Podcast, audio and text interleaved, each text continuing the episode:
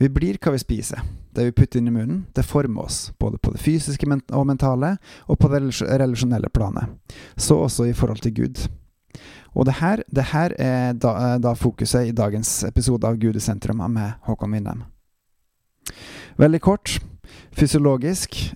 Spiser man sunt, så blir man sunn. Spiser man usunt, så er det stor fare for at man blir veldig usunn og legger på seg. Så sies det også at spiser du mye søtt, så blir du selvfølgelig søt. Ha-ha. Eh, selvfølgelig påvirker det vi spiser, vår helse. Eh, og det er vanskelig å kunne spise sunt, så det handler om å finne en god balanse. Også relasjonelt så har det mye å si hva man spiser, i overført betydning. Behandler man andre godt, så vil man få mange flere gode relasjoner. Behandler man hverandre dårlig, så vil man få mange flere dårlige relasjoner. Få en dårlig relasjonell helse. Ser man f.eks. på mye på relasjonelt søppel, f.eks. TV-serier med splitt og hersk-mentalitet, så er det en viss fare for å bli påvirka. Jo lavere filtre, jo mer påvirka kan man bli, og mer fokusert på det. Um, har man blitt utsatt for psykisk, noe veldig psykisk negativt i oppveksten eller som voksen, så er det veldig stor fare for at det påvirker din både men mentale og relasjonelle helse. Uh, da kaller man gjerne her at man er relasjonelt skada. Gjør man godt, gir man, er man bevisst på å gjøre det, da har man sannsynligvis mange gode relasjoner.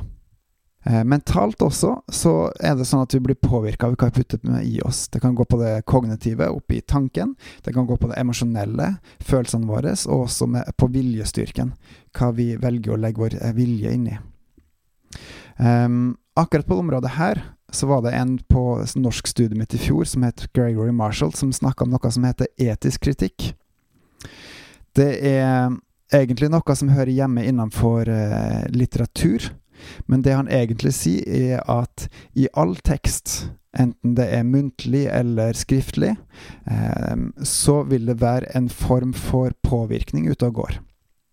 For han sier at nummer én All tekst inneholder, eh, som skrives av en person eller flere personer, inneholder et etisk grunnsyn. Eh, og det vil alltid komme til syne i en tekst. Eh, videre så, det, så, er det sånn at enhver tekst har et slags moralsk dilemma som en ønsker å belyse og komme en løsning på.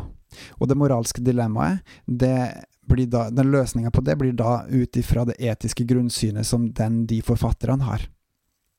Og nummer tre så påstår han eh, Marshall at eh, enhver person som leser en tekst, står i, i en situasjon hvor han kan bli påvirka av det en leser. Og her, når vi snakker om eh, en tekst nå, så kan det både være gjennom TV, det kan være gjennom aviser på nettet, det kan være gjennom at folk snakker til deg, egentlig også, eh, og det kan være gjennom tekster, bøker du leser. Så i enhver situasjon så vil det være noen som har et etisk grunnsyn, og så vil det være en, et uh, moralsk dilemma, et eller annet som uh, er under uh, belysning, som gjør at man prøver å finne en løsning på det, og den, de andre rundt deg prøver da å gi deg en løsning ut ifra deres etiske grunnsyn. Og den siste veldig interessante biten er rett og slett at det, det filteret du har, det er med på å bestemme hvor mye de når inn til deg. Og det er et filter som man må tenke gjennom. Hva er det man har som filter, og hva er det man ønsker å bli påvirka av, og hva er det som er viktig for en, og hva ønsker en å stå fast på. Men det som er veldig interessant å se på først, er hvordan en tekst kan påvirke et menneske. I sommer så har jeg sett på en TV-serie som heter Et sted å høre til. Det er på 50-tallet i Australia, altså etterkrigstida etter annen verdenskrig, eh, og med den kulturelle settinga som var på den tida, på mange ulike områder. Eh, og det skjer veldig mye gjennom serien. De legger, belyser veldig mye godt. Og de belyser mange viktige problemstillinger. De viser fram noe forferdelig som har blitt gjort mot visse grupperinger av mennesker også. Og så er det også veldig tydelig eh, ved siden av dette at forfatteren, forfatterne av TV-serien, har et veldig tydelig etisk grunnsyn. At dette og dette er det, det som de sier er sant. Og så har de mange, mange moralske eh, problemstillinger hvor de eh, da gir et svar på hva de mener er det sanne og viktige og riktige. Som f.eks. aktiv dødshjelp. hvor da det, det, oppstår en diskusjon mellom to leger, hvor den ene eh, er veldig sterkt for aktiv dødshjelp, mens den andre er veldig sterkt imot. Og i akkurat den lille scenen der, så er det sånn at den ene parten får lov å si mange, og komme med mange argumenter, mens den andre sier bare at han er imot. Og det er en måte hvor du kan se at eh, tekstforfatterne de eh, har et bevisst syn som de ønsker å få fram, og så lar de den ene parten få lov til å få veldig mye eh, tid og rom til å forklare sine standpunkter, mens den andre blir bare opp, opplevd som bakstreversk, som bare står fast på noe uten å ha en, egentlig en, en god begrunnelse for det. Noe som jeg tolker ut fra TV-serien, er at den representerer et veldig postmoderne perspektiv. En har trua på at det ene perspektivet er like sant som alle mulige andre. Så gjennom hele TV-serien så er det mange ulike moralske dilemmaer som blir belyst, og det er mye godt som skjer der, og det er mye ondt som skjer der, og så prøver forfatteren gjennom dette å få fram hva som er rette og sanne. Og hele veien så er det en, eh, en sånn slags underliggende tone om at de gamle, gamle verdiene, de er, er, stort sett tradisjoner, regler overtatt fra tidligere, og de aller fleste av de blir da eh, forandra, brutt, til det bedre. Hvorfor nevner jeg i hele tatt eh, TV-serien Et sted å høre til? Eh, den, I seg sjøl så utgjør den ingen fare. Den har en viss agenda, eh, sånn som alle tekster har. Men eh, i seg sjøl så er den jo ikke farlig. Absolutt ikke. og det er jo veldig mye god underholdning i det også. Faren er rett og slett at hvis du kun putter det i det, TV-serier, underholdning, andre ting som ikke har noe med Gud å gjøre, så vil ditt livssyn, din livsanskuelse, da vil din helse bli påvirka av det.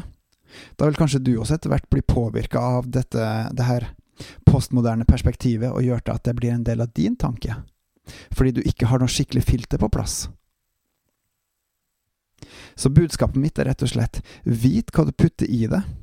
For hvis det kun er jordiske ting du putter i det, da blir du 100% påvirka av det jordiske.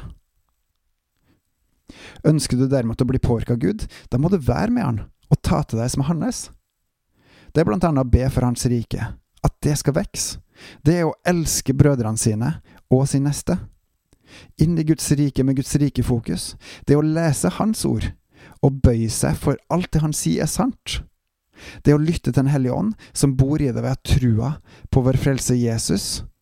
Og det er å eksempel å bevisst sammenvokse med dine trossøsken i tilbedelsen, i broderkjærligheten og helliggjørelsen for å ære og prise Han som fortjener all pris og ære, samt også å gjøre disipler, som også lærer Gud å kjenne, og følger Han og elsker Han og sin neste.